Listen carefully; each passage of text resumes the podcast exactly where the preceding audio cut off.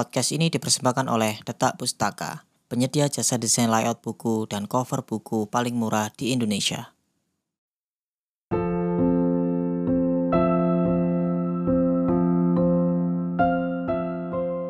Halo bro, kembali lagi sama aku Muhammad Arif di podcast Bacotan Bucin. Di podcast episode kali ini aku ingin curhat-curhat aja tentang masalah-masalah baik percintaan, pekerjaan ataupun apa yang menarik untuk dibahas gitu loh.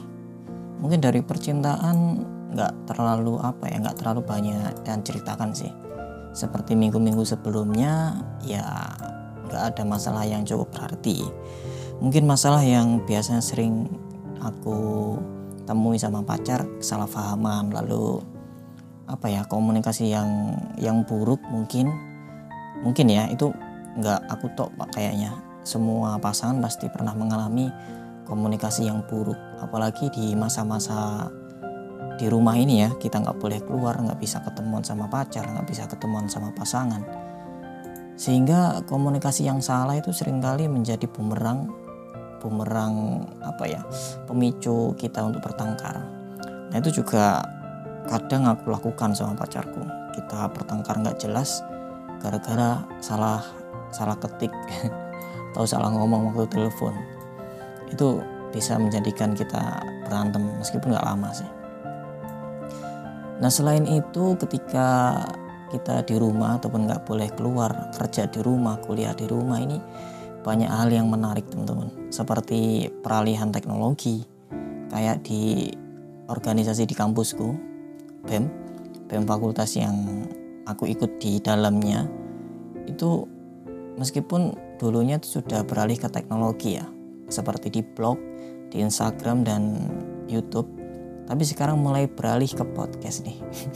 Jadi teman-teman yang pengen dengerin podcastnya BEM di mana aku kuliah bisa buka di Spotify BEM FVP UTM itu aja sih.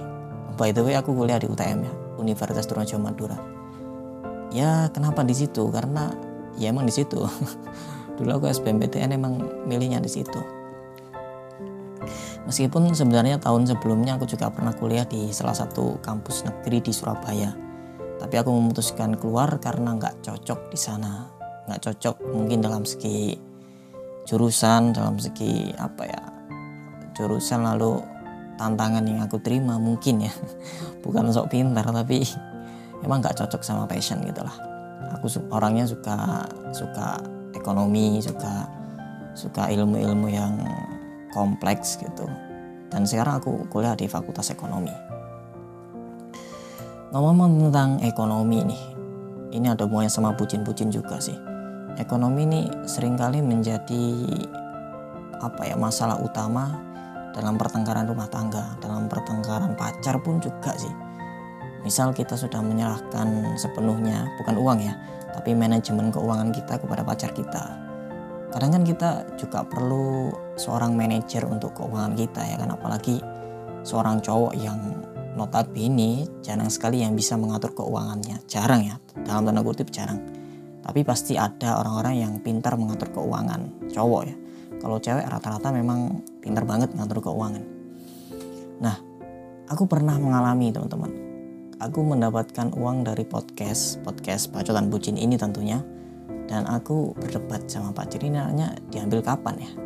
Sekarang aja sebelum dolar naik. Oke tapi aku pengen dolarnya lebih gede.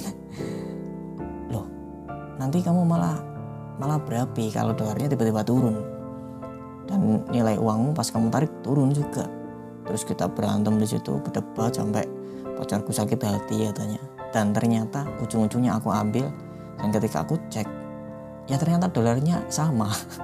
Sama kayak bulan kemarin 14.700 aku nunggu sampai dolarnya 16.000 17.000 itu juga nggak mungkin. Dan apalagi sekarang dolar kita membaik ya alhamdulillah. Jangan sampai kita berdoa dolar kita memburuk. Untuk teman-teman yang gajinya dolar nih lebih baik dolarnya kayak gini aja. Ya meskipun untuk teman-teman nggak terlalu menguntungkan tapi secara umum untuk bangsa kita Indonesia ini sangat menguntungkan. Jadi jangan pernah berdoa yang jelek gitu loh tentang tentang apa namanya? Tentang mata uang kita. Nah, aku pernah membaca di sebuah artikel di mana mengungkapkan kalau hampir atau nomor satu masalah dalam keluarga atau dalam hubungan itu masalah ekonomi. Sumber masalahnya itu masalah ekonomi. Ya memang sih ada beberapa teman, beberapa kenalan atau beberapa keluarga jauh itu bahkan sampai putus cerai gara-gara masalah finansial ini, masalah ekonomi ini. Jadi mereka cerai karena entah nggak bisa memenuhi kebutuhan istri ataupun nggak bisa memenuhi kebutuhan anaknya sehingga memaksa mereka harus bercerai.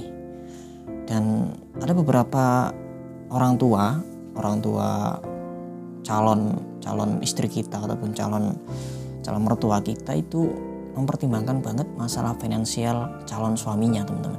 Jadi ini khusus untuk si cowok ya. Ini pesan untuk si cowok. Ini hasil riset sih. dari teman-temanku juga, kenalan-kenalan juga dan bahkan cerita dari pacarku juga bahwa kebanyakan mertua itu menginginkan mertua si cewek ya menginginkan suaminya anaknya itu kaya. Lah, kenapa? Biar aman, finansialnya itu aman. Dan ada istilah begini, dulu anakku aja aku cukupi aku kasih makan enak aku kasih apa-apa itu bisa gitu loh masa sama orang lain dalam tanda kutip suaminya kok nggak dikasih apa-apa gitu loh nah itu orang tua nggak relanya di situ meskipun kadang ada cewek yang legowo-legowo aja mendapatkan mendapatkan suami yang kurang begitu mampu tapi karena ini dalam perspektif ataupun dalam pandangan mertua kita itu nggak nggak ikhlas gitu. Jadi mereka kurang ikhlas ketika ketika suami dari anaknya itu nggak bisa memenuhi kebutuhan anaknya. Gitu. Apa ya? Ketika kita akad gitu kan si bapak dari istri kita nanti memberikan walinya kepada kita ya kan. Ya nangis-nangis pasti aku pernah lihat meme si bapak itu nangis ketika memberikan hak walinya kepada suami dari anaknya. Ya, memang gitu sih. Seandainya aku udah punya anak, pasti juga akan akan mikirnya gitu. Tapi kembali lagi ke istri kita sih. Dia maunya gimana, bahagianya gimana itu kita serahkan ke istri kita. Tapi kebanyakan cewek pasti mikirnya juga sama. Sependapat sama orang tuanya itu. Memang masalah ekonomi cukup cukup kronis ya. Cukup apa cukup menjadi masalah yang serius ketika kita nggak nggak menanggapinya.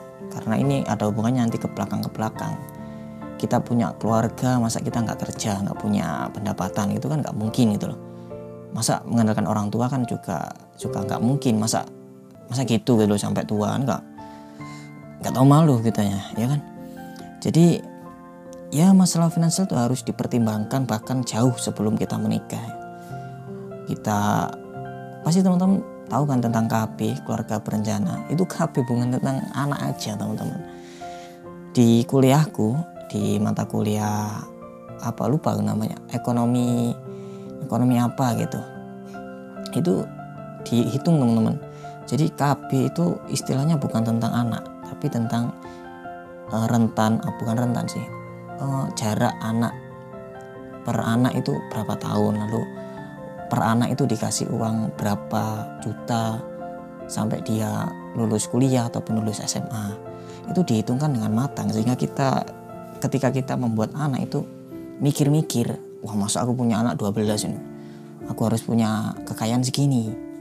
Ketika aku ingin mensekolahkan anakku di sini aku harus punya uang segini. Nah itu direncanakan di program KB dan KB itu jauh sebelum kita menikah atau rencana pranikah gitulah ya biar ketika kita nikah itu nggak nggak apa ya nggak nggak jauh amat sama apa yang kita rencanakan gitu.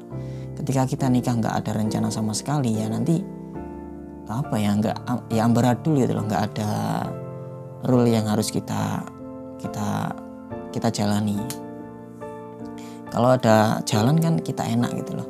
Tinggal mengikuti jalan mengikuti alur dan kita perlu memenuhinya. Hanya itu saja. Selain ekonomi apalagi yang menarik ya? Itu ada hubungannya sama jurusanku sih sama fakultasku juga. Um, apa ya?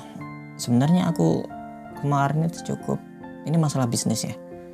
Karena aku punya sebuah bisnis uh, buku ataupun jasa gitu lah. Nah itu aku punya partner gitu akan pecah gitu. Menjadi dua lah menjadi dua usaha yang berbeda namun sejenis. Sebenarnya aku ingin menanyakan etika bisnis sih. Tapi aku nggak nggak menyalahkan sih. Mungkin dia nggak tahu temanku ini nggak tahu. Untuk pembelajaran aja teman-teman. Ketika kita memutuskan untuk keluar dari sebuah bisnis dan ketika misal nomor ataupun email kita masih tertahu di bisnis itu maka jangan langsung dipakai untuk bisnis kita. Setidaknya kita kasih jangka waktu ya minimal sebulan lah buat bisnis yang lama itu prepare mengganti emailnya mengganti nomor whatsappnya. Sehingga nanti ketika ada klien yang mana itu datang kepada kita kepada bisnis yang bisnis lama kita itu nggak datang ke kita. Jadi nanti apa ya klien itu minta ke bisnis yang satu bisnis awal kita. Tapi klien pesennya ke bisnis yang kedua. Nah itu etika bisnisnya nggak ada gitu loh. Ya sama kayak kita merebut pelanggannya orang gitu. Ya sebenarnya nggak apa-apa kita pakai WhatsApp WhatsAppnya bisnis sebelumnya tapi harus ada etikanya. Kasih jeda untuk prepare gitu loh dan lagi untuk teman-teman ini kata Christian Lee Christina Lee salah seorang youtuber dan uh, apa ya seorang pengusaha wanita juga bilang ke aku bukan ke aku ya di YouTube-nya kalau ya memang karyawan itu jangan sampai dipintarkan. Dalam artian nggak usah mengetahui core bisnis kita. Ya cukup sesuai porsinya aja lah. Biar nggak kayak kasusku ini teman-teman. Dia mecah jadi bisnis baru yang sejenis lalu saingan sama kita. Nah itu. Ya kalau kita pinter menjadikan dia partner ya oke okay aja. Yang jadi berapi kan nanti bersaing gitu loh. Ya nggak apa-apa sih bersaing itu sehat. Tapi ini kan nggak sesuai yang kita pikirkan di awal ketika merekrut si dia si partner kita itu. Jadi untuk teman-teman yang punya bisnis ataupun punya partner harus bisa mendisklaimer ini. Harus punya etika bisnis yang baik. Meskipun kita harus akui sama-sama bahwa bisnis itu politik dan politik itu tidak ada yang bersih. Tapi kita mencoba apa ya jujur-jujuran aja lah. Ketika kamu disakitin orang ataupun bisnismu dilukai orang sakit nggak? Pasti sakit hati. Nah oleh karena itu daripada kita sakit hati di awal ya kita main main sedikit bersih lah. Sedikit bersih. Meskipun nggak bersih bersih amat ya. Itu aja sih. Mungkin podcast hari ini curhatan curhatanku hari ini cukup sampai di sini aja. Semoga teman-teman tercerahkan ataupun apa ya dapat informasi dari podcast ini. Meskipun nggak banyak informasi juga sih. Dan untuk teman-teman jangan lupa dengerin podcast dari BEM FEB UTM yang mana itu aku salah aku menjadi salah satu anggotanya khususnya untuk teman-teman Fakultas Ekonomi dan Bisnis Universitas Drunajaya Madura harus dengarkan karena akan banyak berita-berita unik, berita menarik dan juga berita penting yang mana tidak akan teman-teman lihat baik di website website officialnya BEM ataupun dari story-story WA. Oke, mungkin cukup sampai di sini aja. Jangan lupa follow follow Spotify podcast Bacotan Bucin ini dan follow akun Instagram Bacotan Bucin di underscore Bacotan Bucin. Sampai jumpa minggu depan. Dadah.